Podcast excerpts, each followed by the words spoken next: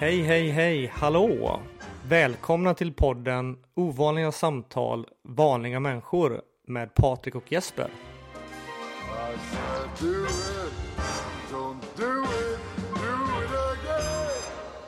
Idag hälsar jag Jonathan Almfjord välkommen till våran podd.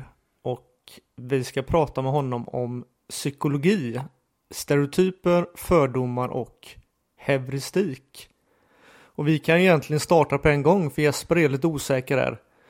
Jonathan, heter det heuristik eller heuristik? Jag hävdar att det heter heuristik. Oj, men varför börjar ni med en sån jobbig fråga? Nu tror jag att jag ska komma med så här massa psykologiska förklaringar och så börjar ni med en lingvistisk fråga. Det här är ju fruktansvärt. Ska vi, ska vi börja då istället med, med vem du är? Vad gör du? Varför håller du på med det här? Varför vill du prata om det vi ska prata om idag? Jag, jag, jag kan väl börja med att säga att jag misstänker att det är hevrestik, liksom som ett V där. Men jag är inte säker. Eh, och jag har föreläsare som snackar svengelska hela tiden och sådär. Så det, eh, det kan hända mycket. Eh, men förlåt, vad sa du? Vem är jag och lite sånt där?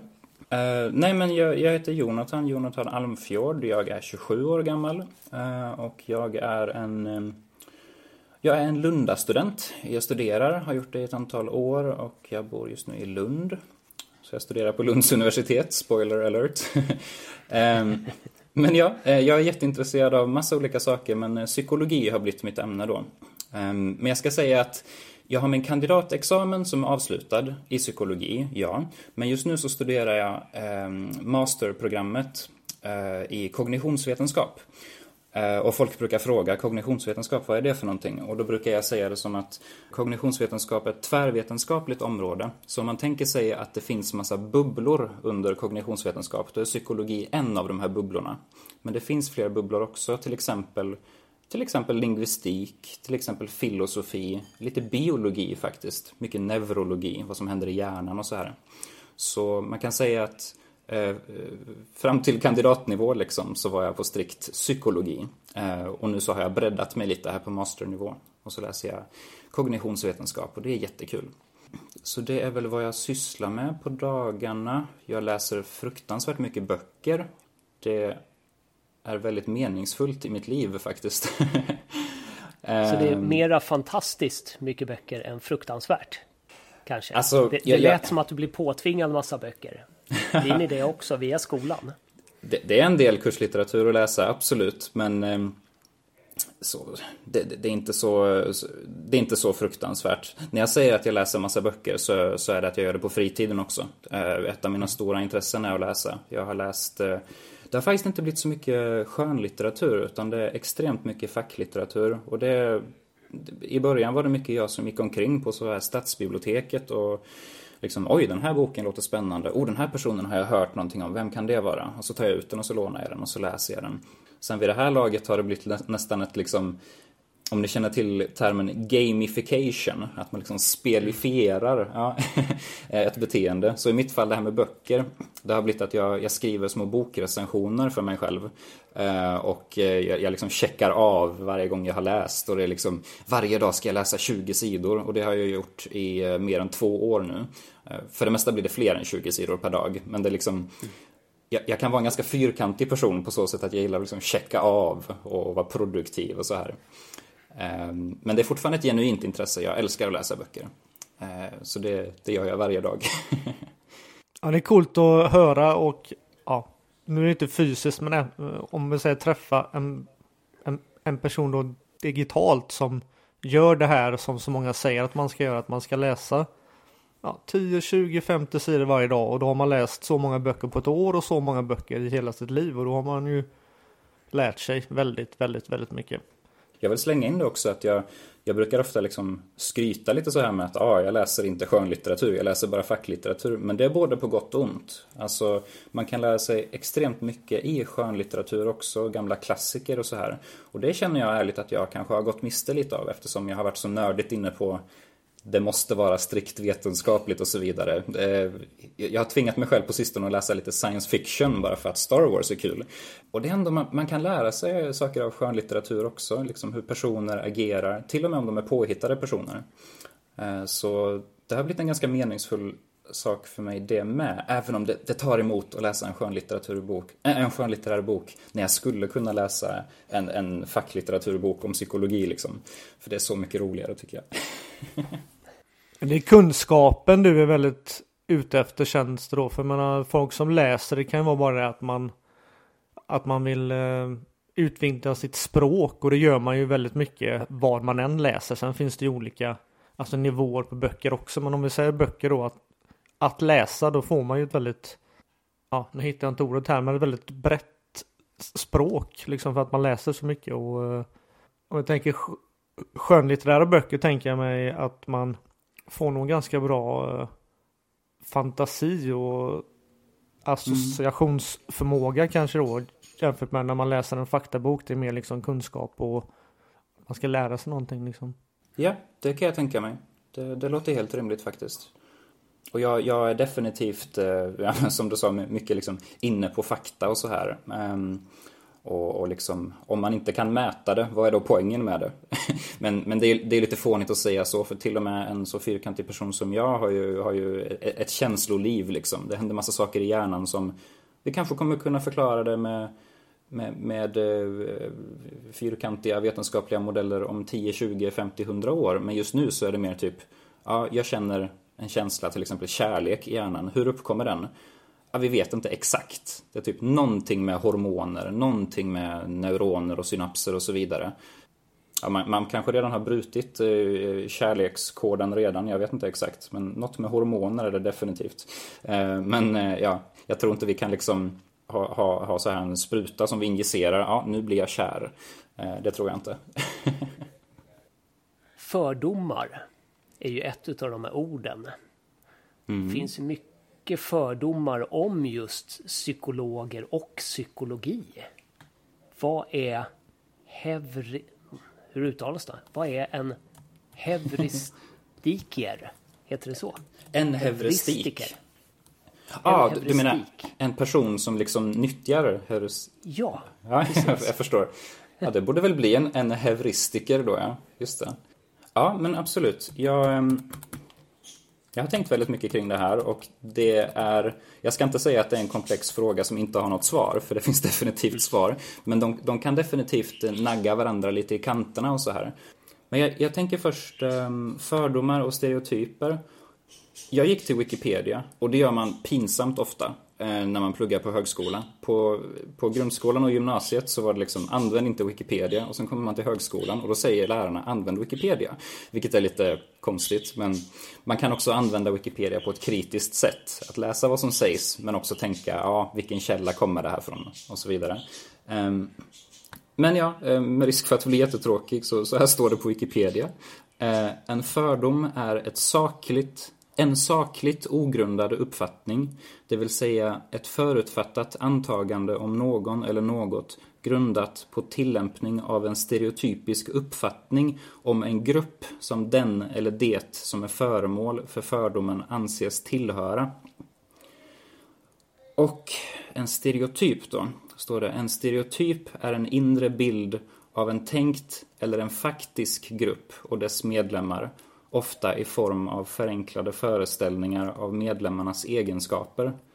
Jag antar och jag tror att när ni hör det här så är det liksom, det är ganska nära. väldigt nära. Jag tycker det.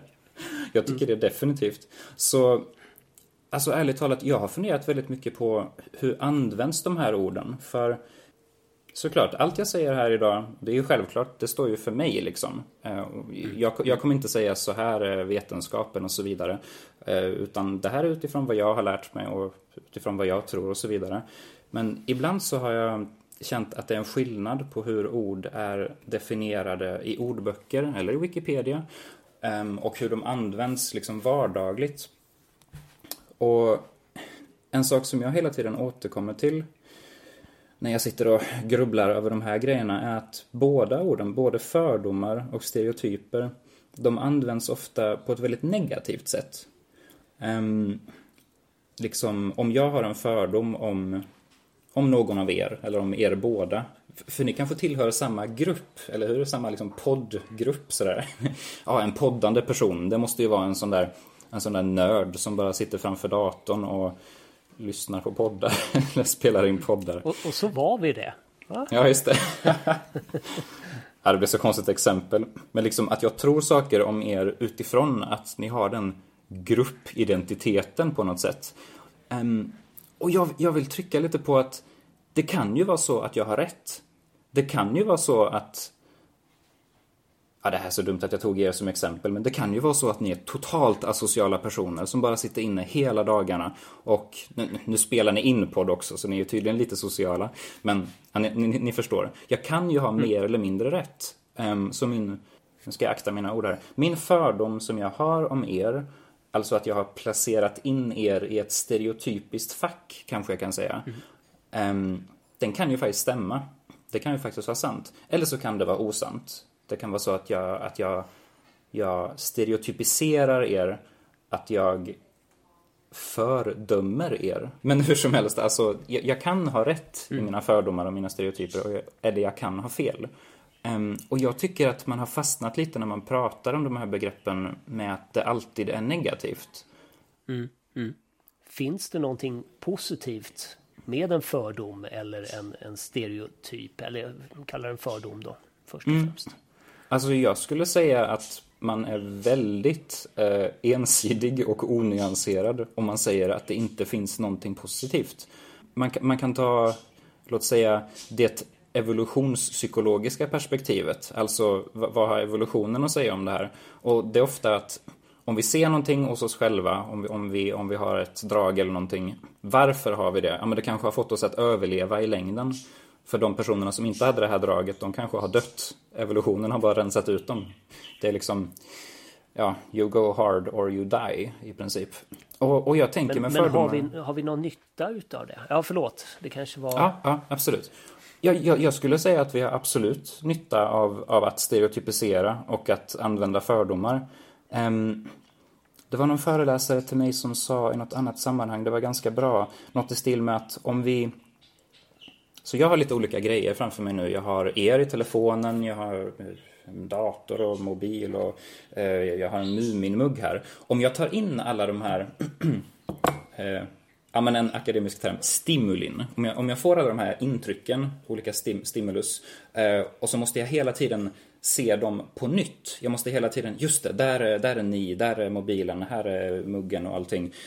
Det tar väldigt mycket hjärnkapacitet av mig, extremt mycket. Så det är så mycket smidigare att lägga de här i olika, i olika fack liksom. Um, så att man, jag behöver inte tänka hela tiden på, just det, jag har de här grejerna framför mig. Jag har, jag tror jag har en pall bakom mig. Jag, jag har en vägg där och så vidare. Utan att det läggs i, låt säga, mitt minne. Um, det kan bli en, en förförståelse kanske. Uh, en förkunskap. Um, och utan någon slags förkunskap, eh, liksom, vad förväntar jag mig när jag vaknar på morgonen? Ja, men det, jag ligger förmodligen i en säng. Eh, om jag inte är jättefull, det brukar jag inte vara. Eh, men då skulle det vara fruktansvärt svårt att leva tror jag. Ehm, och man brukar alltid gå tillbaka till ja, men människorna på savannen, liksom, hur funkade de och så här. Ja, förmodligen de som var överbelastade av intryck och inte kunde göra den här ehm, förenklingen, den här stereotypiseringen, fördomar och så vidare. De skulle nog bli uppätna ganska snabbt. Och lejonen skulle liksom kunna, ah, den där människan, han verkar vara dum i huvudet. Eller snarare, den verkar vara överbelastad av alla de här intrycken. Eh, och då blev den uppkäkad av lejonen. Så jag, jag känner att jag, jag sätter det här i väldigt barnsliga ord just nu, men jag, jag, jag tycker om att göra det själv. Alltså det, det blir ofta ganska, ganska konkret och hands-on när man tänker evolution och vad är det som har gjort att, att den här tendensen har överlevt. Så för att sammanfatta det som jag sa nu så tänker jag att om det hade varit så att fördomar och stereotyper hade varit liksom mer än hälften av alla gånger så hade de varit fel. De hade lett mig till fel slutsats. Då hade kanske evolutionen plockat bort dem. Men vi har ju fortfarande kvar de här grejerna. Inte kring allt, men kring väldigt, väldigt mycket. Ehm, och det tror jag att det kan vara bra att komma ihåg. Och då tänker jag ju direkt att då kan ju liksom det negativa, eller det behöver kanske inte vara man behöver kanske inte använda ett sånt starkt ord, men att man får ju tänka sig lite för när man förutsätter egenskaper som en person har bara för att man har en sak gemensamt? man kan väl, eh, det är verkligen inte mitt expertisområde, men liksom att det anknyter till identitet typ. Eller kanske huruvida, huruvida man förväntar sig, ja, hur man, huruvida man förväntar sig att personen där framme, ja men den har det här attributet, låt säga ADHD, eller, ehm, eller den har eh, en likadan tröja, kan vara ett kul exempel. Ja men då får man massa föreställningar om att, ja men då, då är den säkert jag undrar om inte väldigt mycket kommer tillbaka till att den personen är lik mig eller att den är olik mig. Om den är lik mig, då är det ju stor sannolikhet att man kommer överens med den, att man kan samarbeta med den. Um, mm. Jag går direkt igång på, på det här liksom evolutionära tänket igen, att om jag kan samarbeta med den, då kan vi bygga skydd mot lejonen och så vidare och så vidare och då, då kan vi överleva i det långa loppet. Jag tänker på en sak då att när, när man då, om du då försöker använda det på ett positivt sätt Jesper, här att ni har en ett gemensamt attribut som ADHD säger vi då. Men när det används i ett annat sammanhang och de personerna tycker att det också är positivt men att det då kan uppfattas som negativt. Om vi då tar till exempel som är väldigt vanligt då rasism och fördomar. Och så tycker då en grupp, nu känns det väl väldigt ja, stereotypiskt och eh, självklart att jag ska säga så här kanske, men att om vi tar om vi tar två vita personer och en och en mörkhyad person. Ja, då kanske de två vita personerna känner mer samhörighet då bara för att de är vita. Eller så tycker de helt enkelt att bara för vi är vita så är vi på ett visst sätt och vi har vissa egenskaper. Och du som är mörkhyad har andra egenskaper.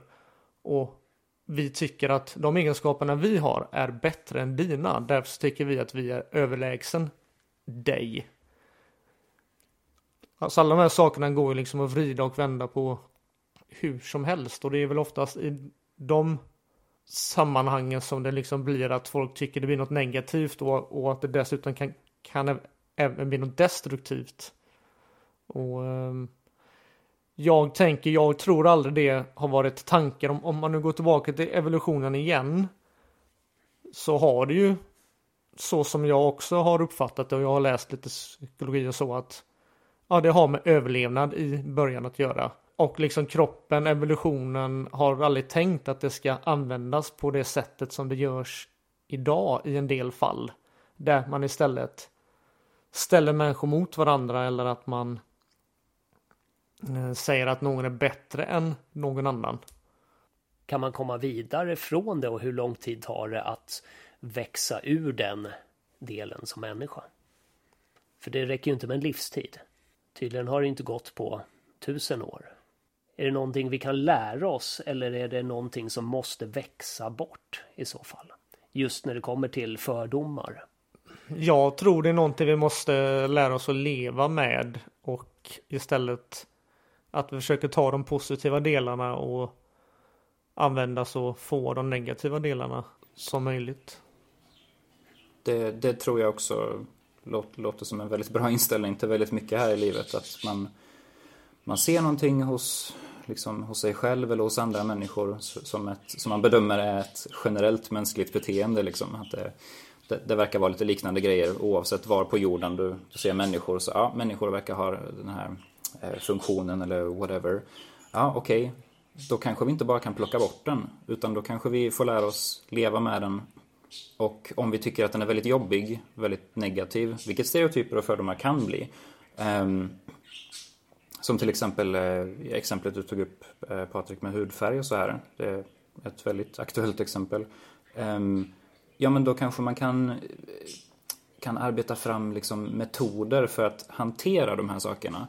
Eller um, jag vill ju säga att um, det är många samhällsdebattörer som, som pratar om, uh, kan det vara color blindness kanske? Att, att man inte ska se hudfärgen överhuvudtaget. Och det är inte det att man, att man är, gör sig blind utan att man ser det men, men man lägger ingen värdering vid det. Um, jag tycker det är ett ganska fint ideal och det anknyter väl till Martin Luther King och sådär. Men jag vill inte bli för politisk nu utan jag, jag menar bara att man kan ha det som ett ideal att, att man inte lägger någon värdering i det.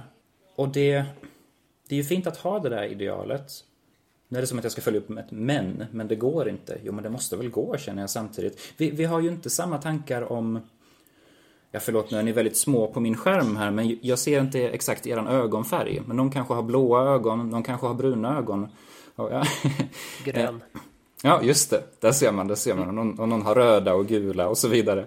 Ehm, jag, jag vill nog ändå påstå att de flesta människor, eh, jag själv och de flesta människor jag av någon konstig anledning har frågat det här om, de lägger inte så mycket värderingar i vilken ögonfärg eh, de har.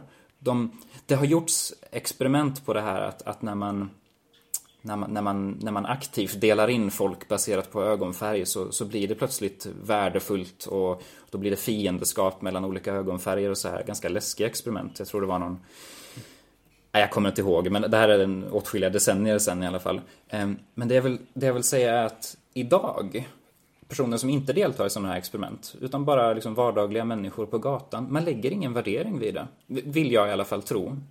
Och det är ju, det är ju bra. Det är jättebra. Då kan man se olikheterna utan att lägga de här värderingarna. Ja, ah, okej, okay, men brun, bruna ögon som, som jag har till exempel, ja, ah, de är väl värda mest då. Och så blåögda och alla andra färger, de är väl under. Det är ju då det börjar bli problem. Oj, jag gick igång där lite kände jag, men eh, jag vet inte alls om du besvarade frågan. det finns ju... Till att börja med så kan det väl vara så att vissa delar utav den här de här fördomarna eh, börjar försvinna i så fall. Om du menar på att vi reagerar inte så mycket just över ögonen nu. Men, men fortfarande mm. så är det väl de stora delarna som syns mest. Till exempel hudfärg då eller hår. Eh, att det är svårare att komma ifrån. Ä även om man strävar efter det. Nej, men det är ju väldigt intressant för du kan ju även se vad är det. Nu vet inte jag sanningshalten är till 100% men jag har ändå hört det så pass många gånger och även en del erfarenhet av det. det om vi säger typ att asiater tål väl alkohol sämre än andra et etniciteter mm. Mm. eller raser, vilket ord man vill använda. Och eh, det finns väl studier som har visat att eh, mörkhyade har eh, lättare för att få diabetes tror jag det är. Nu är det möjligt att jag blandar ihop det här eller om det har med fetma att göra. Det kan vara fetma eller mm. diabetes. Så, så, att det finns vissa saker som vissa raser, etniciteter har liksom lättare att få när det kommer till sjukdomar. Och det har väl någon, alltså det är ju ändå, alltså det, det är väl vi och schimpansen är ju, har väl 98-99% samma DNA och ändå ser vi ja, väldigt olika där, ut. Ja. Om vi säger människorna är ju mm. är väl 99,99 men det finns ju ändå skillnader och den lilla lilla skillnaden gör väl att ja, då skapas mm. det väl olika förutsättningar för olika saker. Att en del har bättre motståndskraft mot en sak och någon annan mot något annat. Hjärt, eh, hjärtmedicin. Ja, men sen kan man tycka att det är något positivt mm. eller negativt eller göra det till något där man försöker dela in människor i olika saker och det är då det blir liksom mm, farligt. Mm. Det är väl mer att det är bättre att använda det och vara medveten om det så att man i så fall kan göra någonting åt det kanske med forskning och sånt liksom. Det är, mm. det är ju mer det här när, när, när, man liksom ska hävda att någon är bättre än någon annan. Det är då jag tycker det blir farligt. Mm. Liksom. Ja, precis. Um, ja, jag, jag har faktiskt hört det här åtskilliga gånger eh, om, om just det här med medicin och så. Var det, var det du Jesper som sa det, hjärtmedicin? Um, mm, mm. Då, då, kan du det säkert bättre än jag, men liksom att vissa personer Vissa personer med, eh, med vissa, vad ska man säga, gruppidentiteter eh, Kön har jag hört. Är det till och med hudfärg också? Eller etnicitet? Till och med liksom? hudfärg. Oj, eh, okay. Människor med, med högre andel av, eh, vad heter det, när man har mörkare hy? Melatonin heter det va? Melatonin, så är det. Just det, helt rätt. Så människor med högre melatonin i huden reagerar inte sämre men mindre på de hjärtmedicinerna som vi, som vi har. Tydligen vad jag mm, har läst mm. i alla fall. Vilket gör ju att det behövs ju mer forskning. Ja, just det. Där lärde jag mig något nytt. Jag, jag kände inte till det um, Igen, jag har hört om kön men inte om eh, eh hudfärg. Men i alla fall, om man tar det exemplet, då kan, då kan jag ju säga att i min mening så är den felaktiga tolkningen av det, det är att ja, personer med, eh, med den här hudfärgen, de är svaga. Alltså de är dåliga. Det är en så ganska straight out rasistisk tolkning och liksom, ja, de, ni vet, de förtjänar inte leva och så vidare och så vidare och så vidare. En mer sympatisk tolkning skulle kunna vara, oj, här var en skillnad som, ja, det verkar ha betydelse för medicin. Och då som du sa, då är det viktigt att vi gör forskning på, på de här grejerna så att de här personerna kan få väldigt bra liv. Eh, eller liksom, det, det minsta de kan få är lika bra nu säger jag liv. Det jag menar är lika bra vård som alla andra. För det, det skulle ju kunna vara katastrofalt ifall en person kommer, kommer till jag går tillbaka till könsfrågan för det är den jag har hört mest om. Om, om en man kommer till ett sjukhus och ah, jag har det här problemet. Och så får den, jag tror det mest brukar vara andra hållet. Om en kvinna kommer till sjukhuset, får en medicin som är skapad för, för en man och så visar det sig att det här är jättestor skillnad på hur det agerar. Det kan ju bli livshotande. Så då är det ju jätteviktigt att man har koll på de här skillnaderna. Och det, det värsta man kan göra är väl då att sopa det under mattan. Utan det är ju tvärtom. Eh, nå mm. Någonting, någon institution, till exempel vetenskap och forskning, borde ju verkligen bedrivas kring de här sakerna. Så att vi kan se olikheter så mycket som möjligt utan att värdera dem. Se dem och sen kanske, ska man säga, bejaka dem eller åtminstone hantera dem. Man kanske inte ens behöver radera dem. Ja, herregud, hur skulle man göra det liksom? Utan mm. hantera dem. Han kan ju dra det ett steg längre. Alltså det kan ju helt enkelt vara så att eller det är ju egentligen det vi har liksom konstaterat att den medicinen som finns då, hjärtmedicinen, den är bättre lämpad för en vit person då kontra en mörk person. Men det är väl för att den är framtagen så från första början. Den hade lika gärna kunnat vara alltså, framtagen på ett lite annorlunda sätt och varit då bättre för den mörkhyade och sämre för den ljushyade personen. Och det går ju att se, eller det går ju att se ett ganska tydligt exempel på någonting som har kommit upp här nu i ehm, under pandemin med att och folk får ha vilken åsikt de vill om det här och jag säger inte att det ena är liksom rätt eller fel men en del vill ju inte ta då det här vaccinet eh, för att det ger då vissa följdeffekter. Nu finns det ett annat ord som jag inte kommer på. Här. Men, men att eh, ja, eller det ger vissa bieffekter och de kan vara då mer eller mindre livshotande eh, och sen kan man även ha en diskussion kring hur mycket forskning som har gjorts på det här vaccinet kontra an andra vacciner då, men det är en annan fråga då. Men då har ju det här kommit upp då att det finns inget vaccin som inte har några bieffekter. Eh, och det är någonting man får räkna med. Och eh, nu tas det upp då väldigt mycket och så har vissa då hävdat att ja, men nu tas det upp för att det är väldigt mycket män som påverkas. För det här, är ju, det här både män och kvinnor, kanske framförallt lite mer män. Just det. Och så har mm. det här kommit upp då att ja, men p-piller som kvinnor har ätit i vad är det sen 50-60-talet, eller 60-70-talet kanske. Mm. Eh, det har alltid haft jättemycket bieffekter. Men det har det inte pratat så mycket om och det finns folk som har dött i liksom blodproppar som har varit relaterade till p-pillerna. Så att det, alltså det är ju liksom inget nytt att det finns bieffekter på olika saker man äter. Mm. Men mm. att olika mediciner tas fram, säger kanske medvetet eller omedvetet, så, så att de passar vissa människor mer. Det hade lika gärna kunnat varit att man hade satsat mycket mer på p-piller, de hade knappt haft några bieffekter. Och man hade kunnat satsa på en hjärtmedicin som var från början så är bättre anpassad för en mörkhyad och sämre för en ljushyad. Det hade kunnat vara liksom tvärtom. Sen om det är medvetet eller omedvetet, det kan inte jag svara på. Men eh, jag, jag, tror att eh, just det, det exemplet med p-piller är, shit vi är så långt ifrån ämnet här nu, men jag tror att just det exemplet med p-piller är, är svårt att komma ifrån. Dels så har det varit, eh, det kom ju i någon typ av möjlighet för kvinnan att bli eh, att bli fri, att kunna bestämma själv över en graviditet och därför så var ju det väldigt påhejat av, av kvinnorna, med all rätt, absolut. Men och, och, det gör också att det har legat mycket pengar bakom och jag tror att man har verkligen kämpat för att få det så ofarligt som det går. Men ja, naturligtvis, det är ju hormoner vi pratar om och hormoner som, som stoppas i kroppen förändrar kroppen, hjärnan. Eh, så det går nog kanske inte att helt komma ifrån de riskerna som finns. På samma sätt som när vi stoppar i oss eh, testosteron eller om vi stoppar i oss eh, steroider på något sätt så kommer det förändra kroppssammansättningen och, och på så vis vara en risk för oss. Mm. Mm. Hjärtmedicin vet inte jag hur det funkar men, men det borde finnas en väldig massa eh, bieffekter på det också. Förmodligen, förmodligen ja.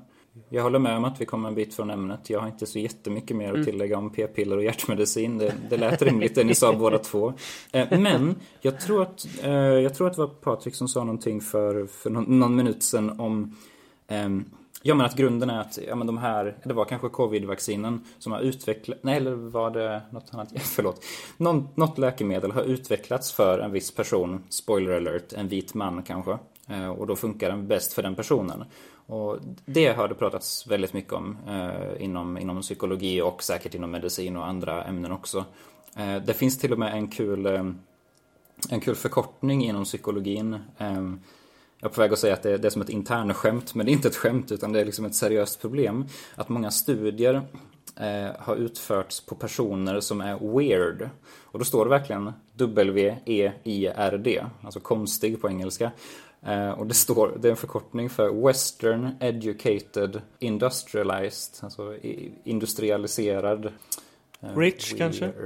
Rich, ja precis, precis. Och så, och så den sista, den den är Democrat.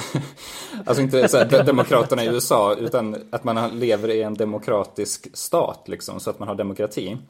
Ehm, och den, ja, alltså jag har skrattat väldigt mycket åt det där liksom. Ah, this study was conducted on weird people. Låter ju jättekonstigt att säga. Men, eh, men det pratas en hel del om det här inom psykologin och det, det är bra att man kan skratta åt det, men, men det är ett seriöst problem. Det är ofta så här amerikanska college-studenter som är försökspersoner. Och ja, det är väl bra att de vill vara försökspersoner, men de kanske har mer gemensamt med varandra än de har eh, än de har olika. Eh, man kanske skulle ja, försöka göra studier på lite, lite olika typer av personer istället. De kanske är för smarta för att inte utsätta sig för de här. Just det, ja, de är ju inte weird. Då är de kanske smarta. Ja. Precis. Inte för att det spelar någon stor roll om vi håller med varandra eller inte här, men jag tycker ändå liksom att ja, man kan hävda att vi spånar iväg lite här, men jag tycker ändå att allt det här kan liksom när man plockar ner det så kan man hänvisa det till fördomar och stereotyper ändå kan jag liksom tycka det här att vi bör, börjar liksom prata typ om, om liksom kvinnor och medicin och sånt och det var en annan sak jag tänkte på där också med det här med stereotyper och olika grupper, innegrupp, utegrupp och sådär. Ehm, Det är väldigt populärt att liksom och prata om eh, mångfald, att vi ska ha att många olika människor lever tillsammans, att det är någonting positivt att- per automatik. Att mångfald är bara positivt. Och jag tycker inte det fullt ut. Eh, Jag tycker att, det, att liksom tanken bakom det eh, är god. Än att bara säga att mångfald är, är, är liksom positivt. Att man tar massa olika människor med massa olika kulturella, etniska skillnader och sätter samman dem och gör ingenting mer och bara säger att det är positivt. Det tycker inte jag är positivt utan det är positivt att man för samman människor. Men det är vad man gör med mångfalden som är det positiva eller kan leda till positiva saker. Vad är den negativa delen med det då? Ja, det, det är just det att det är så väldigt många olika människor med etniska, kulturella eh, egenskaper och attribut och eh, sätt att leva som gör att det blir väldigt svårt att leva tillsammans. Så att mångfald i sig tycker inte jag alltså per automatik är positivt utan det är vad man gör med mångfalden som kan leda till något positivt.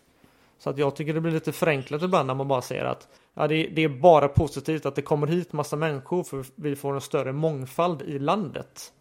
N- n- nej, det tycker inte jag. Jag tycker det när de här människorna får komma hit, får en chans att lära sig språket, vill lära sig språket, får en chans att komma ut i arbetslivet, att liksom träffa andra eh, nordiska svenskar som är födda här, eh, svenskar med utländskt påbrå som är födda här eller som har kommit hit och som har assimiliserat, eller vad heter det, assimiliserat sig. Det, det, det är så man he- hela tiden får människor liksom att liksom leva tillsammans och komma ihop liksom och gör, alltså göra positiva saker.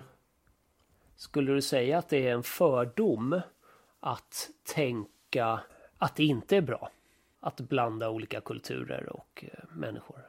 Jag skulle nog säga det. Jag, jag skulle nog säga att det är en fördom att det eh, inte är bra. Men till en viss del kan jag hålla med om det om man inte gör det på ett aktivt sätt. Det är alltså lite det jag menar att bara slänga ihop människor i en grupp och förvänta sig att det här är något positivt. Mm. Det behöver inte, det behöver inte vara det behöver, alltså det, man, man, man behöver göra någonting aktivt för att det ska bli något positivt. Men, men menar, det bör man ju vilja göra för jag tänker att vi lever ändå mm. fyra miljoner eller vad är det, sex miljoner människor på jorden. Eller fyra miljoner är det va?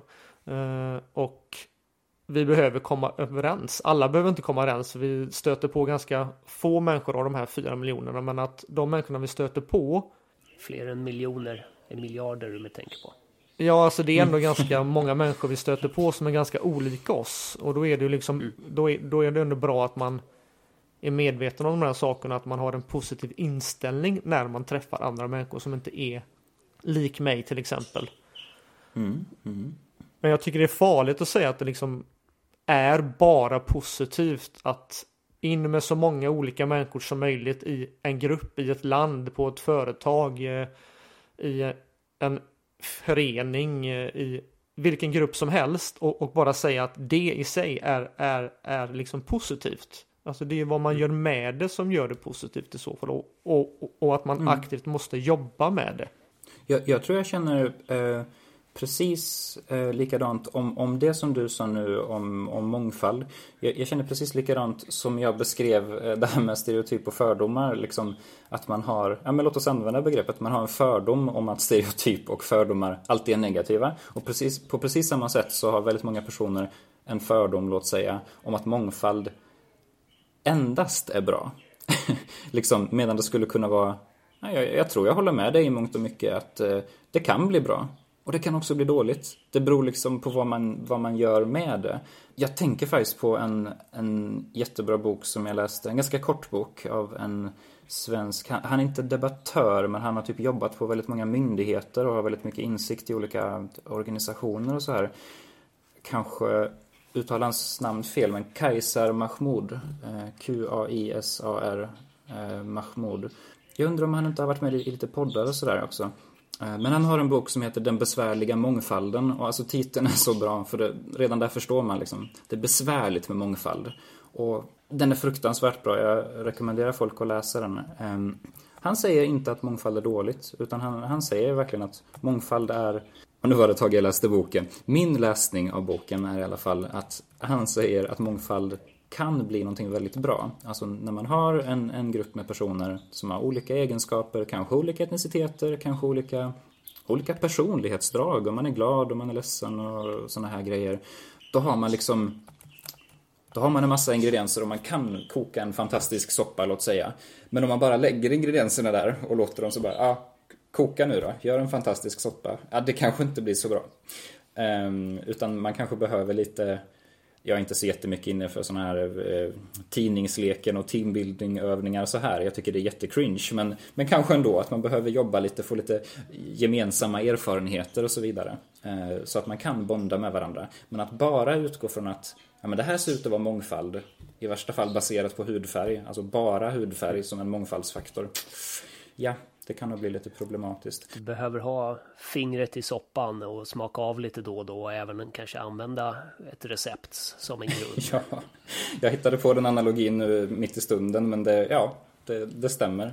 Um, någonstans i den där boken så vågar jag faktiskt påstå att det står något i stil med om man inte sköter det på ett bra sätt så riskerar man att sitta vid ett bord med en styrelse eller en, en, en fullmäktige eller någonting där alla ser olika ut men alla tycker exakt likadant. Så man har, man har mångfald just till utseende eh, men man har ingen, låt säga, åsiktsmångfald. Och det menar han att, ja, har man, har man åstadkommit någonting då? Ja, man kan checka av den här boxen så är vi mångfaldiga? Ja, visst, det är vi. Men i verkligheten, inte så mycket. Jag, jag försökte faktiskt komma på exempel på bra saker med, med fördomar eller stereotyper går det väl mera över till då. Eh, nej. Jag är lika osäker som du. Vi, vi kan prata om, om definitionerna igen om ni vill. Eller så bara säger vi stereotyper och fördomar. Fördomar bygger på stereotypiska uppfattningar. Så jag tycker det känns som att stereotyper Så ligger i grunden och skapar fördomar. Men det, det är så jag tolkar det i alla fall. Det kan vara så. Jag skrev ner det till och med. Just eh, när det kommer till skola och elever och så. Har du en grupp med elever och du ser på dem. Du har vissa stereotypa förväntningar att den här gruppen kommer inte göra så bra. De- kan inte, de kan inte göra så bra ifrån sig som andra elever från den här gruppen. Då kommer ju dels, dels kommer den klassen inte få lära sig så mycket som de andra barnen, vilket kommer att drabba dem i framtiden eh, på ett väldigt negativt sätt. Men också åt andra hållet att den här gruppen med elever eh, har vi stora förväntningar på. Och när de inte når upp till dem så kommer det drabba dem väldigt hårt med dåligt självförtroende och eh, kanske en ovilja att försöka lära sig. Så att det är en väldigt fin balans mellan de två. Men att hitta positiva delar är jäkligt svårt. För båda de orden, fördomar och stereotyper. Jag känner mig ju manad att hitta på något exempel nu på när det är enbart positivt för att lite för att nu har jag ju framat det som att det kan vara både positivt och negativt. Just det du, det du säger håller jag med om helt och hållet dock. Ehm, Det kan både vara att, jag säger i skolmiljö, att man tänker ja den här personen, ja men den ser ut som en, riktig slarver liksom. En, eh, en eh, idiot som inte klarar av någonting. Eh, Jag vet inte, slitna kläder eller eh, har ett taskigt ordförråd eller någonting. Eller att ja, den här personen lyssnar på klassisk musik och har en, fin klänning. Jag tänker nästan på lite så här den, ni, vet i populärkultur, den, den liksom det asiatiska perfekta duktiga barnet som har pianolektioner och vars föräldrar eh, tvingar en att göra läxor till sent på natten. Ja, det, det är också en fördom att, att tänka, eller är det en stereotyp? Strunt samma. Det, det är ju ett problem med att tänka att ja, men en sån person måste prestera jättebra i skolan. Eh, det kan, det kan vara sant, men det behöver inte vara sant. Och jag tror säkert det finns många som har farit illa av att, eh, av att man har trott att det är så, men så visar det sig att det kanske inte är så. Där kan vi ju då kanske ha en positiv fördom. Att du ser en asiatisk pianospelande med glasögon och säger aha, han är en sån där. Och träffar du då rätt och tar in speciallärare redan från början så kan ju en sån person växa enormt såklart. Så det är ju Ja, en, ja. en positiv del utav det i så fall. Tänker jag. Ja, jag, tror nog att du Jag tror nog att du sätter fingret på Fingret på spiken, foten på huvudet, vad man nu säger. Eh, jag, jag mixmatchar alltid de där.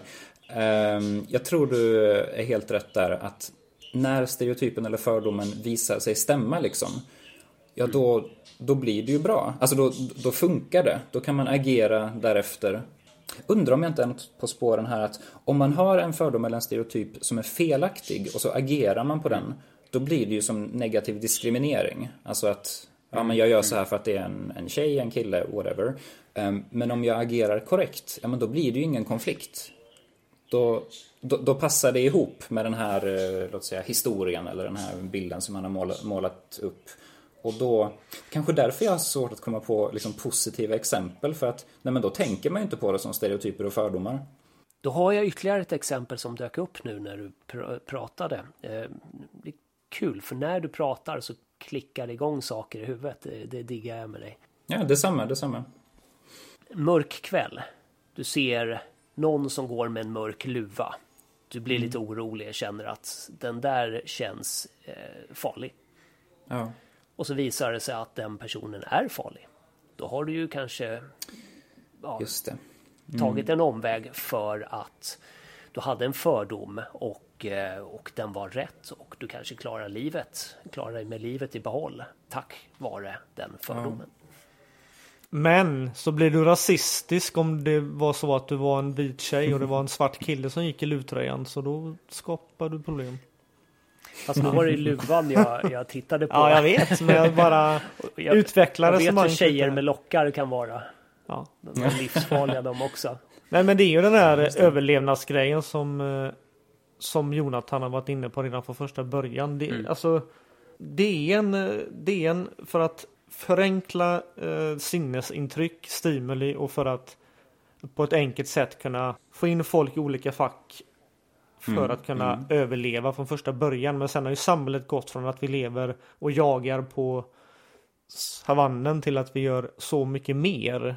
Och då handlar det inte bara om överlevnad längre. Alltså du kan ju fortfarande hävda att om du hade en grupp som levde på ena sidan savannen där alla var ur en viss kultur säger vi. Kanske möjligtvis hade en viss hudfärg också och på andra sidan savannen där levde en annan kultur. Och de då ge, genom att se varandra eh, då att de kanske skiljer sig på olika attribut. Så när de är ute och jagar så vet de att om jag ser den här personen så kommer den döda mig för att om jag fångar maten som den vill fånga då får inte de mat. Så de vill döda mig om de ser mig. Men då kan man ju egentligen, alltså då pratar man ju bara om överlevnad. Men jag vill hävda att egentligen så de personerna är ju rasistiska mot varandra också. Men då var det mer, alltså då var det ju bara överlevnad. Om vi pratar om ras ja. Ja, alltså på ett visst, ja men alltså om vi säger alltså kulturellt eller För ras finns väl inte längre i Sverige, tror jag. Jag tror att man tog bort det från eh, böckerna. Ja, etnicitet. det. men i USA till exempel använder man ju race och, och alltså, och, eh, Han använder race och ethnicity. Men vi använder Ja, bara det- et, etnicitet. Ja, ni, ni är helt rätt på det. De, de två grupperna då som du tar upp som exempel som bor på ungefär samma ställe av den här steppen ute och jagar och är rädda för varandra. De lär ju se väldigt lika ut ändå. Eh, Ja, Med tanke på att de båda två bor på samma ställe. För det är väl ofta det som, som avgör eh, attribut. Fysiska attribut i alla fall.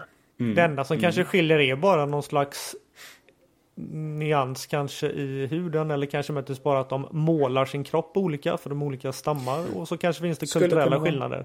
Det kanske är de enda skillnaderna.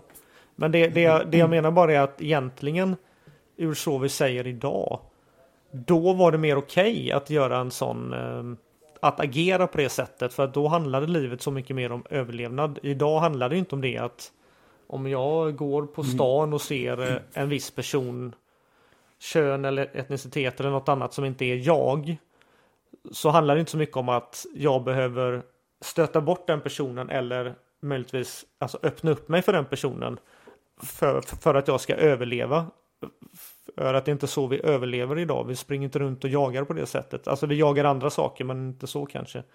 Det är dels att vi lever på annat sätt och dels även att det har hänt en hel del ganska frukt, ja, eller väldigt hemska och fruktansvärda saker genom historien där det liksom har varit baserat på olika raser eller etniciteter och det är sådana saker som då kan, eller har skett för att folk då tycker att vi är bättre än dem eller vi vill överleva och de ska inte överleva och hit och dit. Ja, alltså det är det som blir det destruktiva då och det som inte ska hända. Ja, ja just det. Ehm, jag tänker att eh, du hade nog en poäng där Jesper om att då, de här två, låt säga, uh, urinvånarstammarna liksom på savannen, de, de är förmodligen inte helt olika varandra. Eh, om, om vi tänker att det här är liksom innan globalisering och flygplan och sådär så att man inte kan flytta över hela världen utan de är förmodligen ganska lika varandra. Men precis som du säger Patrik, då har de säkert någon sån här krigsmålning eller någonting på sig. Den ena har Adidas och den andra Puma tröjor. ja visst, ja visst. Precis. Det tror jag också är någon sån här grej som det finns forskning på att typ i fängelser eller i jag tror till och med det var i värsta fall koncentrationsläger så är det att när man, när man tar ifrån folk alla deras kläder, när man Ja, jo, jag har läst om det här i koncentrationsläger när man rakar av dem håret och sånt här så att alla är exakt, de är liksom helt nakna, alla är likadana låt säga. Ja, men då skapar man ändå små, små saker. Någon kanske river av en arm från sin tröja liksom och någon, någon kanske Ja, Sofie, eh, om man har en cigarett kanske man bränner in något märke i pannan eller någonting. Eh, Hemskt exempel, men man, man, vill, eh, man, vill, eh, man vill bli unik, man vill kunna skilja sig från andra och så. Och det är väl fullständigt självklart att man vill, att man vill sticka ut lite grann. Eh, och inte, och inte bara vara en anonym person i flocken. Och jag tänkte också på det, de här två stammarna, om de är tillräckligt olika för att vi ska säga att de är olika i, i engelska termer, races eller svenska etniciteter eller inte. Så det är ju definitivt diskriminering. Det gör de ju. De ser en medlem av den andra stammen och sen så säger de ja, den där ser ut som en sån, den ska jag ha ihjäl. Eh, det är ju extremt diskriminerande liksom. Men diskriminering är väl också ett sånt där, det kanske skulle, jag skulle sagt i början också, men vad jag förstår så är diskriminering, det kan ju också vara positivt eller negativt. Alltså, För den ena sidan. jag, jag tänker att... Är det här en sån grej som är superkontroversiell? Jag vet inte. Men jag tänker i alla fall att jag har valt att prata med er ikväll. Vi låtsas att jag är jättekänd, det är jag inte. Jag kanske hade ett annat erbjudande om att vara med i en helt annan podd. Eh, och så tackar jag nej till dem och jag tackar ja till er. Det är väl ändå att jag diskriminerar mot dem? Att jag diskriminerar till er fördel. Och det måste jag ha rätt att göra väl? Tänker jag. Och sen är det klart om det här hade varit att jag skulle jag och mina fjantiga exempel. Om, om, om det skulle vara att jag väljer en kärlekspartner så skulle jag välja eh, antingen eh, er eller några andra. Jag vet inte. Ehm, Det är ju också diskriminering.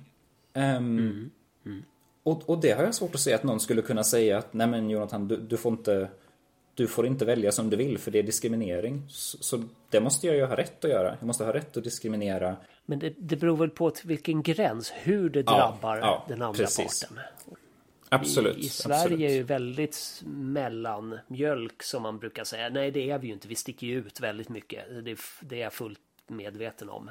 Men Mm. vi försöker hålla oss i mitten. Vi vill, vi vill gärna höja, men vi kan inte sänka några. Vilket ju ställer till det lite för just eh, den här diskrimineringen eh, som du säger, som man borde ha rätt att göra. Jag sitter här och försöker bolla i huvudet.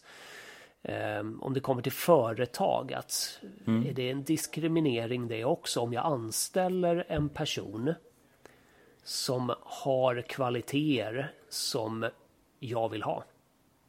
Ja, ja. Än om jag inte anställer den andra som inte har en viss kvalitet. Det där är en jättebra fråga.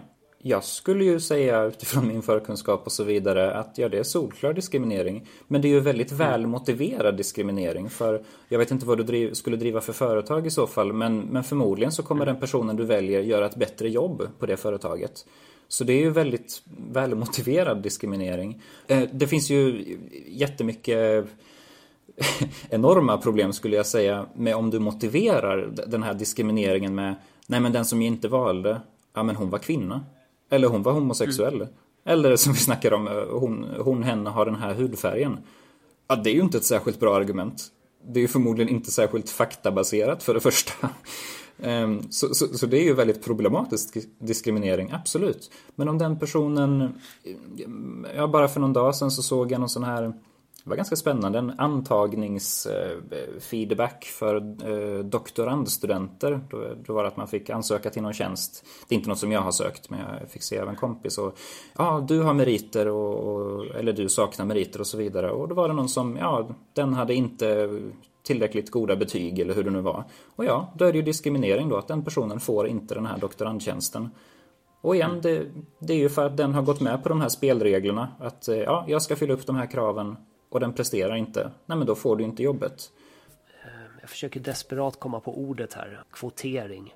Just det. Där, där, ligger där ligger ett väldigt stort problem. Låt säga att du har ett företag som har ett eh, underskott av kvinnor. Eh, och så vill man få in lite fler kvinnor. Där måste du ju diskriminera männen för att det finns på marknaden, kanske, i det här exemplet så finns det fler män som är intresserade av en sån här tjänst och därför fler män i samhället som har utbildat sig för att kunna få ett sånt här jobb. Men man prioriterar en kvinna till exempel, eller åt andra hållet också för den delen, eh, som kanske har lägre kunskaper i det här, men får jobbet för att hon är kvinna. Då har det ju gått åt andra hållet, då har det plötsligt blivit negativt kan jag tycka. Absolut. För kön är ingenting jag tycker att man ska gå på. Jag tänker väl där att eh, det, det är väl det att det tyvärr har förekommit väldigt mycket att man haft någon föreställning om att män är bättre än kvinnor på mycket saker och så finns det väldigt mycket män inom vissa yrken. Sen finns det mer kvinnor i då vissa yrken också. Där, där, alltså där finns det också en anledning. Alltså det kan finnas man är intresserad av olika saker för att man är man och kvinna och vi har olika egenskaper. Generellt sett så är kanske kvinnor mer omtagande eh, och män är kanske mer, om vi tar ett exempel, har generellt sett en starkare kropp. Eh, och då är det bättre anpassat för en del yrken. Så sådana saker kan liksom gör, alltså gör, alltså göra att det finns mer, mer, mer män och mer kvinnor i olika yrken. Jag kan väl tycka att det är bra att man försöker få in, få in kvinnor i eh, en del de väldigt homogena eh, alltså yrken. För, men då är, då är vi där igen för att det ska bli en mer eh, för att det ska bli en större mångfald. Men det är ju sen vad man gör med det då. Det är det jag menar, att bara slänga in en kvinna eller som till exempel jag, jag tror att, och då har jag en del, det heter anekdotiska er, erfarenheter av att om vi tar ett yrke som är väldigt typ kvinnodominerat, säg sjuksköterskor. Det finns många av dem som jag liksom har pratat med, de tycker det är väldigt skönt när arbetsplatsen då blandas upp med män. För att det blir en annan arbetsplats, en annan dynamik och för att det finns vissa tendenser att när det bara är säger, typ kvinnor i en grupp så är de på ett visst sätt mot varandra. Det är samma sak där, att det är positivt att få in män i, i liksom de kvinnodominerade yrkena. Men återigen så är det att bara för att man tar in en man där så ska ju den mannen sjuksköterska säger vi till exempel, den, den mannen måste ju klara av arbetet. Finns det en kvinna som gör jobbet bättre? Ja, då kanske man får ställa det så här. Vad är viktigast? Att vi tar in den här kvinnan för att hon har en högre kompetens? Eller vi tar in mannen för att det ska bli en bättre dynamik på arbetsplatsen? Blir det en bättre dynamik så kan det ju bli ett bättre arbetsklimat. Men sen är det också en annan sak man måste tänka på det. Man måste ju ha en viss kompetens för, för man jobbar med människor och man tar hand om människor och man måste kunna vissa saker för annars kanske någon människa dör eller tar skada. Så det är också sådana saker som, som, alltså som man liksom måste ta hänsyn till. Så det, det är ju väldigt komplext. Och då kommer vi tillbaka till fördomar. Därför att då måste vi gå ja. på fakta också så att vi vet att den här mannen mm. eh, faktiskt inte har samma känsla för eller kunskaper inom ett visst ämne som de andra kvinnorna eller de, de andra i, i, i den andra gruppen har. Eh, för att det kan ju vara fördomar där också att okej, okay, nu tar vi in en man på det här dagiset därför att mm. Eh, han är helt annorlunda. Vilket han kanske inte är alls är. Han kanske är precis som de andra kvinnorna. Ja, Eller som absolut. de andra kvinnorna. Men det får man ju kolla, eller det får man ju känna av som då, då, och då är det ju väldigt viktigt också att man har alltså kompetenta människor i själva anställningsprocessen. Att man då inte mm. bara kollar på könet. Vi vill ha in en man, men vi vill ha in en man som är på ett visst sätt. Å andra sidan kan vi komma tillbaka till det här igen då. Då diskriminerar man mot den här mannen som är för kvinnlig då. Så att, men, men vi kan vrida och vända på det här hur, alltså hur, eh, hur liksom mycket vi vill. Mm. Jag tycker det viktigaste är att man, det du sa innan där, nu vet inte jag om det var så du menade Jesper, men jag håller inte med dig riktigt där om det var så du menade att om vi tar en kvinna, att de vill ha in mer kvinnor på alltså en mansdominerad arbetsplats. Och så säger du att man ska inte bara ta in den här då kvinnan för att hon är kvinna för hon kan ha en lägre kompetens. Ja, det kan hon ju ha, men det ska man kanske inte ta in då. Alltså då ska man väl hitta en kvinna som har lika hög kompetens som den här mannen som också är, är väldigt väl vald för mm. det här jobbet. Alltså hitta en man och en kvinna som har samma kompetens och det är ju inga, alltså det är mm. inga konstigheter. Nej, Nej det, det, var inte det jag menade. Ja, men, men alltså det finns ju kvinnor som är minst lika kompetenta inom mans eh, yrken mm. och då hittar den kvinnan för att ta in en kvinna på arbetsplatsen för det är det vi vill få in. Inte bara för att hon är en kvinna utan kanske för att det ska ge alltså en annan arbetsplats, en annan eh, dynamik i liksom gruppen för, för, för, att det i sig ska leda till positiva saker. Ja, det, det, var precis det som du sa nu som jag faktiskt menade ja. egentligen. Eh, att låt säga att du har ett mansdominerat yrke, en uh, byggarbetsplats eller industri eller något sånt där. Eller ner i avloppet och rota. Och där vill vi ha in en kvinna eller flera kvinnor för att ändra dynamiken i gruppen. Eh, så mm. får man heller inte ha eh, en fördom eller en, en stereotyp eller vad man ska, att man tittar på den här kvinnan och säger Titta där, könet säger att hon är kvinna. För att när hon väl kommer in i gruppen sen så kan hon vara precis lika manlig som de här andra männen. Mm. Eh, och, och, då kommer ingenting hända i, i dynamiken i alla fall. Mm. Så det hade ingenting med kompetensen att göra egentligen i, i den frågan. Jag, jag tänker eh, eh jag har både många tankar och få tankar gällande det här just med kvotering för jag tycker det är jättesvårt och jag, jag tror att jag faktiskt kan förstå till viss del om, om det är en, en, en sektor, ett, ett, jobb som är totalt dominerat av, av det ena könet säg. Men ja, då kan jag nästan förstå att man kanske vill ha in några kvinnor, några få och vice versa. Mm. Ehm, inte minst för att det kan bli en förebild för unga personer sen. Om, eh, om jag är ung och, och tittar in i något yrke, ja ah, jag vill bli polis eller någonting. Nej men det är ingen som ser ut som jag. Var det inte någon, det var någon polis som sa att typ, ja ah, men det var ingen som såg ut som jag, att han Ja, jag tror det var, jag tror det var den här killen Mustafa Panshiri va? Eh, som uppväxt i Afghanistan. Eh, och så sa han att ja, jag vill bli polis när de hade kommit till Sverige. Och nej men du kan inte bli polis, de, det finns inga afghanska poliser. Ja men han kanske kunde bli den första liksom. Mm. Och det har gått jättebra för honom. Så det kan jag förstå. Men det finns också väldigt mycket problem med, med kvotering. Um, vad var det jag ville säga? Jo, um, jag kommer inte ihåg vilken studie det här handlade om. Men jag är ganska säker på att det är ett riktigt exempel. Att det var någon forskningsgrupp som skulle utföra någon studie. Det är irrelevant vad det handlar om, jag minns inte exakt. Mm. Um, men de fick bara pengar. Det är ofta det det handlar om. Vad, vad får man pengar för att göra? Och den här forskningsgruppen fick pengar och så kom ihåg att för att få de här pengarna så måste ni ha en, ändå, en mångfald i den här arbetsgruppen. Men grejen var det att då tog de in någon person, jag vill minnas att det var en ung tjej då. Eh, som de tog in i den här gruppen, så det var säkert bara en massa gamla gubbar annars. Så det var, låt säga, fem gamla gubbar och så en ung tjej då. Ehm, och den här tjejen, hon var säkert jättekompetent, men de lät henne inte göra någonting. Utan det, den enda funktionen för henne i den här forskningsgruppen var att stå med på pappret. Hon kanske fick, mm. jag vet inte, koka kaffe eller någonting liksom. Eh, bara göra något sånt där pyttelitet arbete, något oviktigt.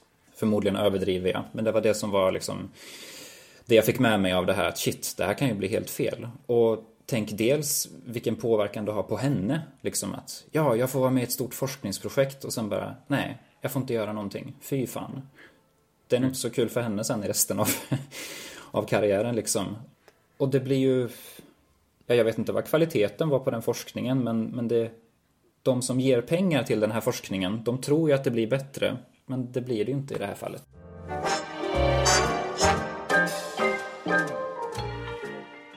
Jag hoppas du gillar det vi gör och om du vill ge oss en putt i rätt riktning så gilla gärna våra sidor och inlägg på Facebook och Instagram och dela vår podd till andra.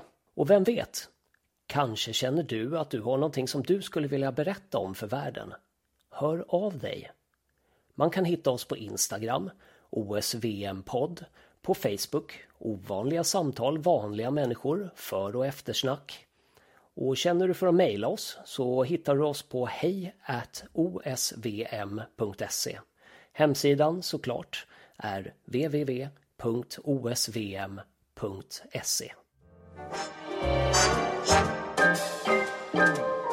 En, en heuristik mm. är liksom en, en tumregel, en, en, en genväg eller en um, enkel procedur var det någon som sa. Men liksom en metod för att Kommer ni ihåg i början av vårt samtal så pratade jag lite om det här att man, att man kan lägga in i lådor och kategorisera och liksom förenkla eh, världsbilden. Mm.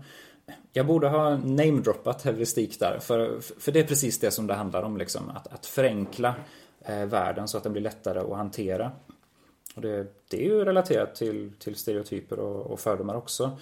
Jag tänkte precis säga det. Så mm. en, en det är en fördom att använda på ett positivt sätt att använda heuristik. Ja, det, det tror jag. Det tror jag, ja. Ehm, och just när vi pratar om heuristik, ehm, det är, vad var det du sa Jesper, att ja, du är en heuristiker liksom. Ehm, Det, jag har inte hört någon, någon eh, slänga det epitetet på någon sådär, men så kan du inte säga, din dumma heuristiker liksom. Det, det, det, har inte fått bäring i samhällsdebatten än. Det, låter för akademiskt om man säger så. Ehm, men det här är någonting som, det vågar jag säga, att det här använder alla människor hela tiden. En, eh, ja men igen, en, en tumregel liksom. Eh, för att förenkla eh, världsbilden, hur, hur, jag, hur jag beter mig i den och så vidare. Så att jag inte behöver ta in alla, alla intryck på nytt. Att nu ser jag er och allting, nu blundar jag. Och nu ser jag igen, oj shit, nu måste jag ta in allting igen. Utan nej, jag kommer ju ihåg att allting fanns här innan och så. Jag kan ge ett exempel på en, eh, en heuristik också. Ni har kanske hört om, eh, det finns en bok som blev väldigt populär, ehm, inte bara på universitetet utan i riktiga världen också, som heter eh, Tänka snabbt och långsamt av Daniel Kahneman. Den är jättespännande, jag, jag läste den för något år sedan. Ehm, han säger jättemånga spännande saker, men han tar bland annat upp du använder bara de alternativen som du har framför dig. Eh, så om, ehm, om jag ska välja, jag vill köpa glass, så går jag till en butik och så finns det, det finns vanilj och eh, apelsin och choklad. Då väljer jag mellan de här tre. Det här är superlogiskt. Jag kan ju inte välja mellan någon annan, för den finns inte där. Jag kan inte välja blåbär, för den finns inte där. Men det är ju ändå en avgränsning. Alltså, om jag skulle göra en Ah, det här är så fånigt exempel, men om jag skulle göra en vetenskaplig filosofisk analys av det här så skulle jag kunna säga, men Jonathan, varför väljer du inte blåbär? För det är ju gott. Och liksom, ja, jo det är det. Men det är ju de här tre som jag har framför mig. Så, så jag använder helt automatiskt såklart, helt omedvetet, en, är det tillgänglighetsheuristik det heter? Jag tror det heter det. Heuristik. Det är bara att man kan snabbgoogla saker. Jag är ganska säker på, på att det är det här. Ehm, ja, just det. En mental genväg där man förlitar sig på de omedelbara exempel som dyker upp i huvudet. Bra bok för övrigt, Tänka snabbt och långsamt. Den kan jag rekommendera. Men inom psykologin, hur använder man det? Så jag kan ju göra en liten disclaimer i att jag har, jag har inte pluggat till psykolog. Alltså att bli terapeut liksom. Att, att sitta och, och ehm, få folk att gräva upp gamla minnen och så här. Eh, utan jag, jag har pluggat fristående kurser i psykologi. Jag visste redan från början att jag ville inte bli eh, bli psykolog helt enkelt. Eh, utan jag ville lära mig om psykologi, men jag skulle inte in i, i terapisvängen så att säga. Hur vill du använda? Äh, nu blir det en fråga till. Vi kan ta den senare, förlåt. jag förstår. Ehm, jag undrar om, om man kanske borde ställa frågan på något annat sätt. Ehm, Det är kanske inte så mycket hur, hur, hur kan du använda heuristik för att, för att få eh, personer som mår psykiskt dåligt att må bättre, utan kanske snarare analysera någon vardaglig situation. Ja, men kanske det, kanske det. Om jag skulle göra ett val då? nu kommer jag in på glassexemplet igen. Nej, men så här. Säg om jag ska välja vad jag ska plugga på högskola, om jag vill plugga på högskola till exempel. Eh, Då kanske jag har en, eh, vi säger att internet fanns inte, så jag har en fysisk katalog eh, hemma. Så jag bläddrar i den här katalogen och tittar på de här utbildningarna. Men av någon anledning ja, ett tryckfel, ett tryckfel. Så har de glömt sidan 20 och på sidan 20 så fanns det psykologikurser. Ehm, Ja, då kommer ju du inte att välja psykologikurserna. För de finns inte där. Ehm, jag gillar psykologi, så jag kanske hade velat välja psykologi. När, när jag har börjat på, vad hade jag valt istället då? Jag, jag hade valt um, något, någon ingenjörsgrej kanske. Så, så jag har börjat på ingenjörsutbildningen och så ser jag, ja men det fanns ju psykologikurser också. Och så blir jag jätteledsen uh, över att jag inte valde uh, psykologikurserna. Och så går jag omkring och känner skam över det och ångest och så vidare. Um, ja, ja, men låt gå för det. Eh, och, och så går jag till en psykolog och så säger jag, ah, det, här, känns ingen vidare, jag skäms så mycket. Då kanske psykologen skulle kunna ta upp det liksom. Ja, men eh, det finns ju det här med tillgänglighetsheuristiken liksom. Vad hade du för alternativ på bordet? Och, ja, men jag tittar i den här katalogen. Ja, men där fanns ju inte psykologikurserna. Ja, just det. Nej, det var ju den där tryckfelsnisse som, eh, som hade varit framme igen. Och så kanske jag blir jättesur på eh, tryckfelsnisse liksom. Men, ja. Eh, Jättecringe exempel, det får ni inte säga att det var bra. Eh, men kanske att det skulle funka. Kanske. Eh, Jag har aldrig hört en, en psykolog säga liksom, ja, jag vet att du mår dåligt, men tänk på, tänk på Daniel Kahnemans heuristiker. Eh, det har jag aldrig hört. Men, men låt, låt gå för det. Ja, men det, det kan ju få personen att må bättre i alla fall för att det var inte det var inte längre den personens aktiva val. Det, det var inte den personens fel att det blev som det blev.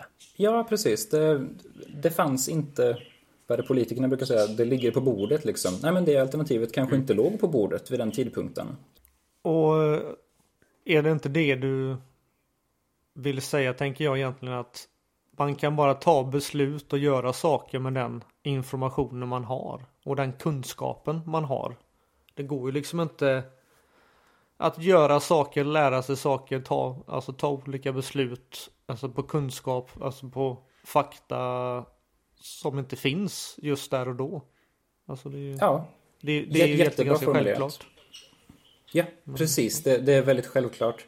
Oh, det var någon, eh, en eh, kompis till mig som har kommit längre i den akademiska världen men han sa något i stil med att den bästa psykologin det är ju den som bara bekräftar det som mormor hela tiden har vetat. alltså mormor som en gammal vis person liksom. Eh, det har följt med mig.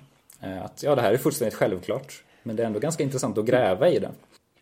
Får jag ta ett, får jag ta ett till exempel om heuristik som jag kom på att det, det tas faktiskt upp i den här boken, Tänka snabbt och långsamt. Um, och det är eh, första eller andra världskriget. Något av de två världskrigen så var det eh, förmodligen de allierade, eh, ja det antar jag. Låt säga engelska eh, militärplan. Eh, som de åkte ut på uppdrag och sköt, eh, sköt och gjorde massa hemskheter och så vidare. Sen kom de tillbaka till basen och de var skadade. Och då så skulle man man skulle eh, sätta, sätta skydd på de här. Man skulle liksom banka på eh, feta eh, plåtar som skulle skydda dem mot eh, ytterligare eld från fienden. Eh, och då var frågan, var ska vi sätta de här plåtarna? Därför att eh, de här skydden var väldigt tunga såklart, måste kunna stå emot eh, ammunition. Eh, så vi kan inte sätta dem på hela planet. Så var på planet ska vi sätta dem? Och då så tänkte man att, ja men vi sätter dem såklart där skotthålen finns på de här planen. Så om eh, Ja, det här är en ljudpodd så jag kan ju inte rita upp men om, om, man tänker sig en flygplanskropp liksom så ja, på vissa delar så var det mer skotthål än på andra. Alltså där fienden hade träffat. Och då tänkte man att där måste vi sätta de här plåtarna. Därför det är där som fienden skjuter mest. Eh, och så satte man plåten där och eh, så flög planen iväg igen. Eh, och sen så av någon anledning, förmodligen att inte så många plan kom tillbaka, så kom man fram till att den här metoden funkar inte särskilt bra. Och eh, då var det väl förmodligen någon smart militärpsykolog eller någonting som, eh, eller så kanske det var Kahneman som gjorde den här analysen i efterhand, jag vet inte exakt, men som kom på att de planen som inte kom hem, de som hade blivit nedskjutna från första början, det var ju de som hade behövt mest skydd. Men de blev ju nedskjutna och kanske dog. Så de planen såg man ju inte. Så när man tog det här beslutet, var ska vi sätta skyddet på planen? Då utgick man ju bara från de plan som hade haft tur och komma hem. och överleva liksom. Så det visade sig att man, man satte skyddet på, på helt fel ställen. Eh, Man, man, man hade kunnat rädda många liv förmodligen genom att sätta skyddet på helt andra ställen. Men på grund av att man inte hade, som du sa Patrik, alla alternativen på bordet. Eh, liksom allting framme, framför sig. Ja, därför att de som det hade gått dåligt för, de som behövde mest skydd, de gick det åt skogen för. Eh, Så tog man ganska dåliga beslut då. Och det, det, det är kul att skratta åt och det gör jag själv. Eh, Men det, det fick ju tragiska konsekvenser då. Att folk förmodligen dog på grund av detta. Hoppas det var ett bra exempel och jag, jag vill tro att han tar upp det i boken också. Mm. Ja, jag tänker bara spontant att så här, och det är alltid lätt att säga saker i efterhand, men var det inte lite korkat att de, ja, och det är väl också lite det som du är inne på här, att de planen som kommer tillbaka och har skotthål på vissa ställen, Ja. de har ju kommit tillbaka för att de fick skotthålen just där. Då borde man ju satt dem där det inte var skotthål, för om de hade träffat där, då hade de kanske inte kommit tillbaka. Så man skulle ju Ja, absolut ja. inte sätta dem där skotthålen var. Det borde man ju kunna tänkt. Så känner jag rent spontant. Men Ja. Fast nu sitter vi ju på facit. Ja, det ja. kan vara därför det känns enkelt. Jo, men man hade ju lite facit att planen hade kommit tillbaka och ändå klarat sig. Sen är det ju mycket mer Frågan man komplicerat. på det. Nej, men sen, och, jo, men jag tänker att man bor, någon smart jävel borde ju ha tänkt på det. Och, och så tänker jag att eh, det var inte så att man inte hade något facit alls. Man hade något facit att de planerna hade klarat sig och de var skjutna där. Eller borde man inte tänkt att, att vi sätter de här skydden till exempel där tanken är. Eh, vi sätter skydden där eh, förarna sitter. För blir föraren skjuten, alltså han som flyger, då kommer ju planet alltså, gå ner vad som än händer. Alltså det spelar ingen roll att inte plan, men- men planet kan fortfarande gå att operera. Men om den som flyger planet blir skjuten så kommer ju fortfarande inte, alltså då kommer planet liksom typ gå ner ändå. De var lite korkade tycker jag, men Du ser inte skadorna då. Det är de planen som inte kommer tillbaka, de finns inte framför ansiktet. Det är lite som att din dotter skulle komma hem med skrapsår på knäna. Nästa dag, för att undvika det, så skulle du sätta knäskydd på henne. Men de andra barnen ser du inte. nej, och de kanske Det var dog ju för de att som de, ja, de dunkade i huvudet och så jag skulle satt hjälm på henne egentligen. Det är det, alltså, jag är med på exakt vad Jonathan menar och jag håller med om det. Jag kan bara tycka att lite grann så borde man kunna tänkt, alltså om man nu ska vara lite så här djävulens advokat eller det kanske, jag vet inte om det var rätt användning av ordet i det här sammanhanget, men att eh, man borde kunna tänkt lite grann, tänker jag. Alltså lite längre än vad man gjorde i alla fall. För det var inte så att man inte hade något facit alls. Alltså man hade inte det facit man ville med, med, med, alltså med de planer som hade blivit nedskjutna. Och de borde man ju tänkt på. Ja, Jag, jag tror att det är Patrik som har en, en eh, gudagiven gåva för flygplanssäkerhet. Så jag tycker att svenska Ja, försvaret borde anställa dig omgående. Exakt. Ja, det är det jag har sagt Jesper. Jag är så jävla Ja. smart. Precis. Och det är du som Ja, hävdar att du Jag tänkte komma till det. Det kan vara så enkelt. Jag har också kikat lite om jag säger på internet och sådär då vad de här orden mer exakt betyder så att man liksom inte sitter och säger dumma saker. Om vi tar, om, om vi tar då heuristik så där liksom trycker de ju på det här att, att det är en metod eller en tumregel som då liksom att den baseras på empiriska observationer eller eh, obeprövade teorier som då är ofullständiga och det, det var egentligen det jag skulle komma fram till att en, he- alltså en heuristik är, är någonting som man typ baserar på alltså ofullständig kunskap eller fakta. Men den är tillräckligt liksom hög nivå för att man ska kunna ta ett ganska bra beslut ändå. Sen kanske man inte tar det allra bästa beslutet. Men det blir ett tillräckligt bra beslut. Och ett av de mest typ grundläggande alltså exemplen på heuristik är ju trial and error. Det här att man liksom provar och provar och provar och så misslyckas man och så gör man på nytt och så lär man sig av sitt misstag och så provar man. Så liksom hittar man fram till vad som är det bästa.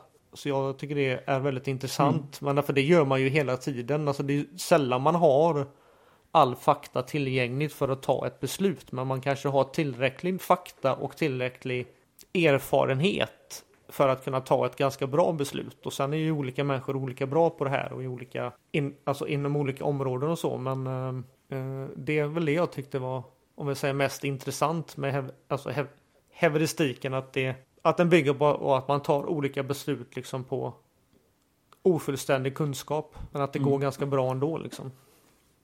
Och då måste man väl vara beredd också på att kunna förändra den kunskapen. eh, Eftersom det blir förändringar hela tiden. Och det är olika mellan olika, olika grupper, är väl fel att säga, men olika typer av människor också. Ja, exakt.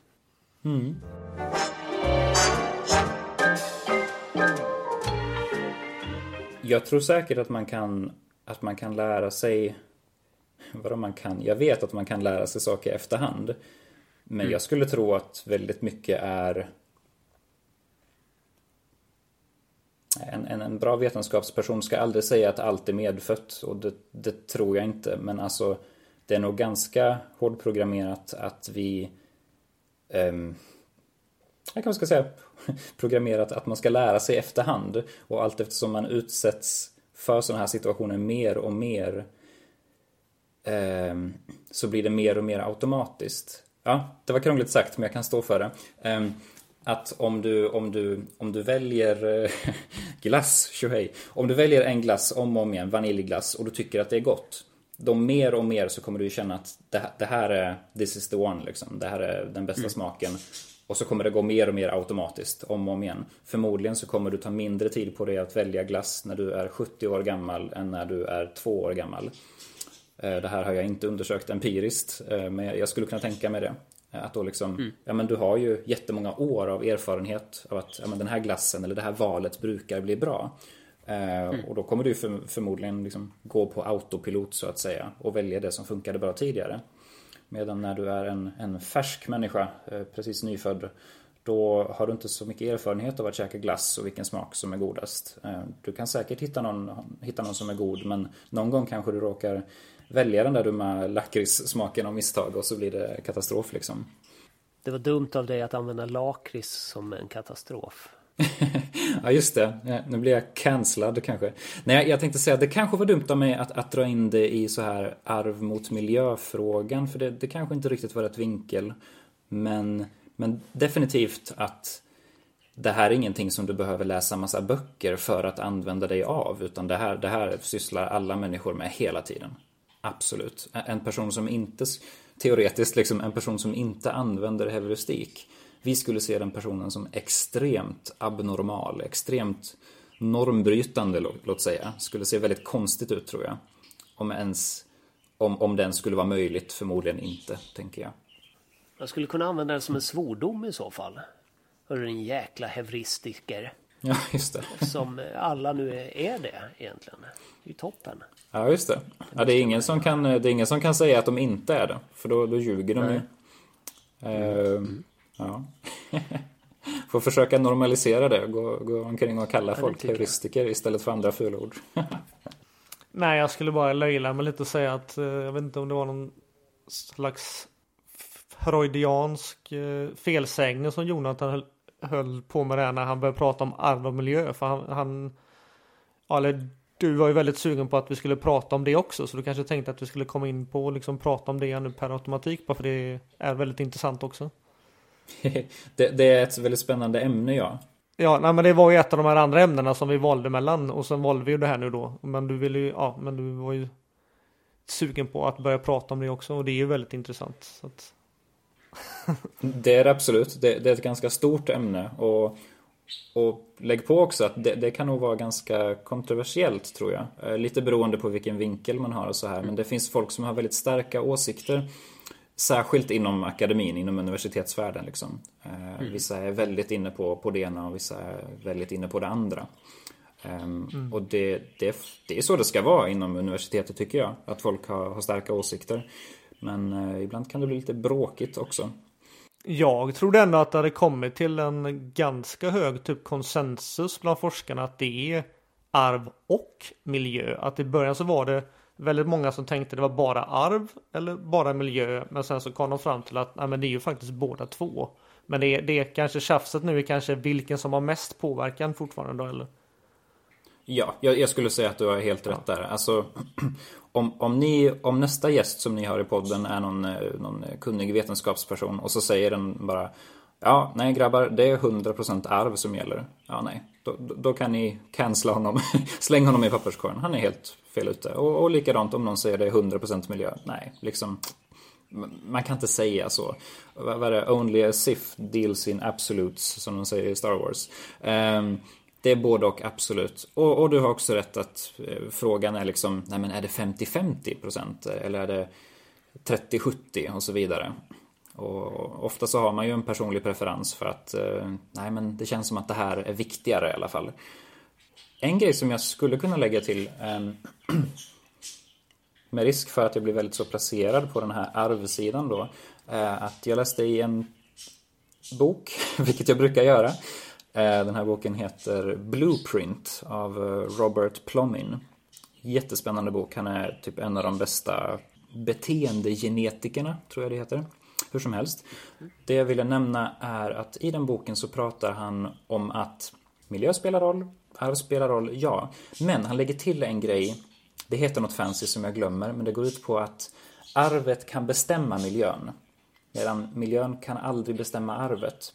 Eh, vi kan ta som ett exempel att om jag har genetiska anlag för att jag gillar, eh, låt säga, eh, kalla platser. Eh, konstigt exempel. Om jag trivs i, i kall miljö, om jag frodas i kall miljö för att mina förfäder har gjort det eller whatever. Då kommer de här generna, de här små gubbarna i min kropp liksom, de kommer banka på mitt huvud och säga Jonathan, du borde bo någonstans där det är kallt. Så när jag, när jag flyttar ihop med min partner, gifter mig och skaffar familj, ja, var ska vi bo i världen då? Då så är det ganska stor sannolikhet att jag kommer säga, ja men vi flyttar till Sibirien. Vi bor på Island liksom. Mycket större eh, sannolikhet om det än att jag skulle säga, ja men vi kan bo i Spanien. Därför att mina gener och, och mitt arv, det pushar på mig åt det hållet. Så jag kanske väljer att vi flyttar till eh, Sibirien. Eh, har aldrig varit där men det är nog kallt. Och sen kan man ju säga att ja, nej men det är för att du bor i Sibirien som du tycker ditten och datten eller du, du har de här preferenserna och så vidare. Ja, men kom ihåg att det var faktiskt mi, mina gener som såg till att jag flyttade dit från första början. Och det är någonting som Ja, ja, jag kan inte svära på att den här Robert Plomin var först i världen med det i den här boken. Men, men det har blivit lite banbrytande ändå och det var en väldigt stor ögonöppnare för mig. Jag, jag mm. tänkte på det väldigt liksom isolerat innan, men att arvet är för sig och, och miljön är för sig. Men just det att arvet kan påverka vilken miljö du väljer. Medan det är väldigt svårt att argumentera för motsatsen. Att, att miljön kan påverka ditt arv. Det är i så fall att miljöfaktorer ska in och skriva om ditt DNA. Det kanske finns någon, något extremt exempel där det går, men inte i samma utsträckning som att arvet påverkar miljön. Jag rekommenderar den boken, den är jättebra. Blueprint. Och, och kom ihåg att liksom det, det, är fortfarande både och. Det är inte att liksom mm. arvet bestämmer allt. För um, om jag förstår det rätt, du, du kanske har en partner och ni kanske väljer hus tillsammans. Då är det ju kanske också hennes gener och, och så vidare. Vilket blir en miljöfaktor för dig. Så du kanske vill flytta till Sibirien och hon kanske vill flytta till Mallorca. Jag har ingen aning. Och så landar ni i Eslöv för att ni kan inte bestämma er. Liksom, det finns sådana grejer också. Så jag förstår om, om det här blir lite som att jag argumenterar för arvsidan. Och det, det blir det kanske. Jag är väldigt inspirerad av den här eh, Blueprint-boken. Men det är fortfarande både och. Jag, jag, tycker bara att man ska inte säga nej men det är både och så därför ska vi inte diskutera det. Utan mm. nej men det är både och och vi kan fortsätta diskutera det. Det tycker jag är spännande. Ja exakt. Nej men det är väl eh, en av de här grejerna som har gjort att miljön om vi säger från början så var det väl väldigt mycket att det var arvet. Alltså det var där alla forskare började mer eller mindre. Och sen så var det vissa då som kom och gick över på miljösidan. Och det var väl mycket det att det har gjorts väldigt mycket studier på tvillingar. Och de har ju ja. ännu mer lik enäggstvillingar. Alltså det har gjorts på vanliga tvillingar också men enäggstvillingar är mer intressant för de är ju ännu mer lika än andra människor är. Och då har man liksom då märkt att ja, och som och, och då när de tvillingarna kanske då framförallt när de inte har växt upp ihop. Alltså dels kanske när, när de har växt upp ihop men även när de inte har gjort det. Då är det väldigt intressant för att då om det bara är arvet, ja då borde de ju bli exakt likadana. Men det har de inte blivit har man då kommit fram till och då är det ju miljön som påverkar att då två personer som är så himla lika att de kan bli så här olika ja då har ju miljön en väldigt stark liksom, påverkan också. Så eh, det är ju där som, mm. ja det är ju, det är väl en av de områden som har gjort att, att miljön då har kommit väldigt starkt. Mm.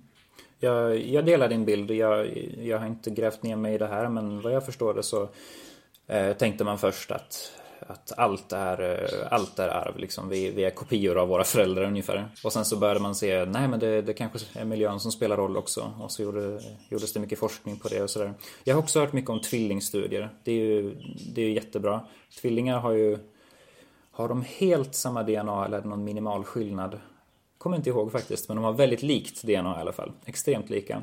Jag minns det var någon bild i någon, eh, någon eh, kurslitteratur som jag hade och då var det att, det var väl tvärtom. Ja, det var att två stycken enäggstvillingar hade separerats vid födseln och sen hade de träffat varandra igen när de var typ 40 år gamla. Och så kom de till den träffen i samma tröja.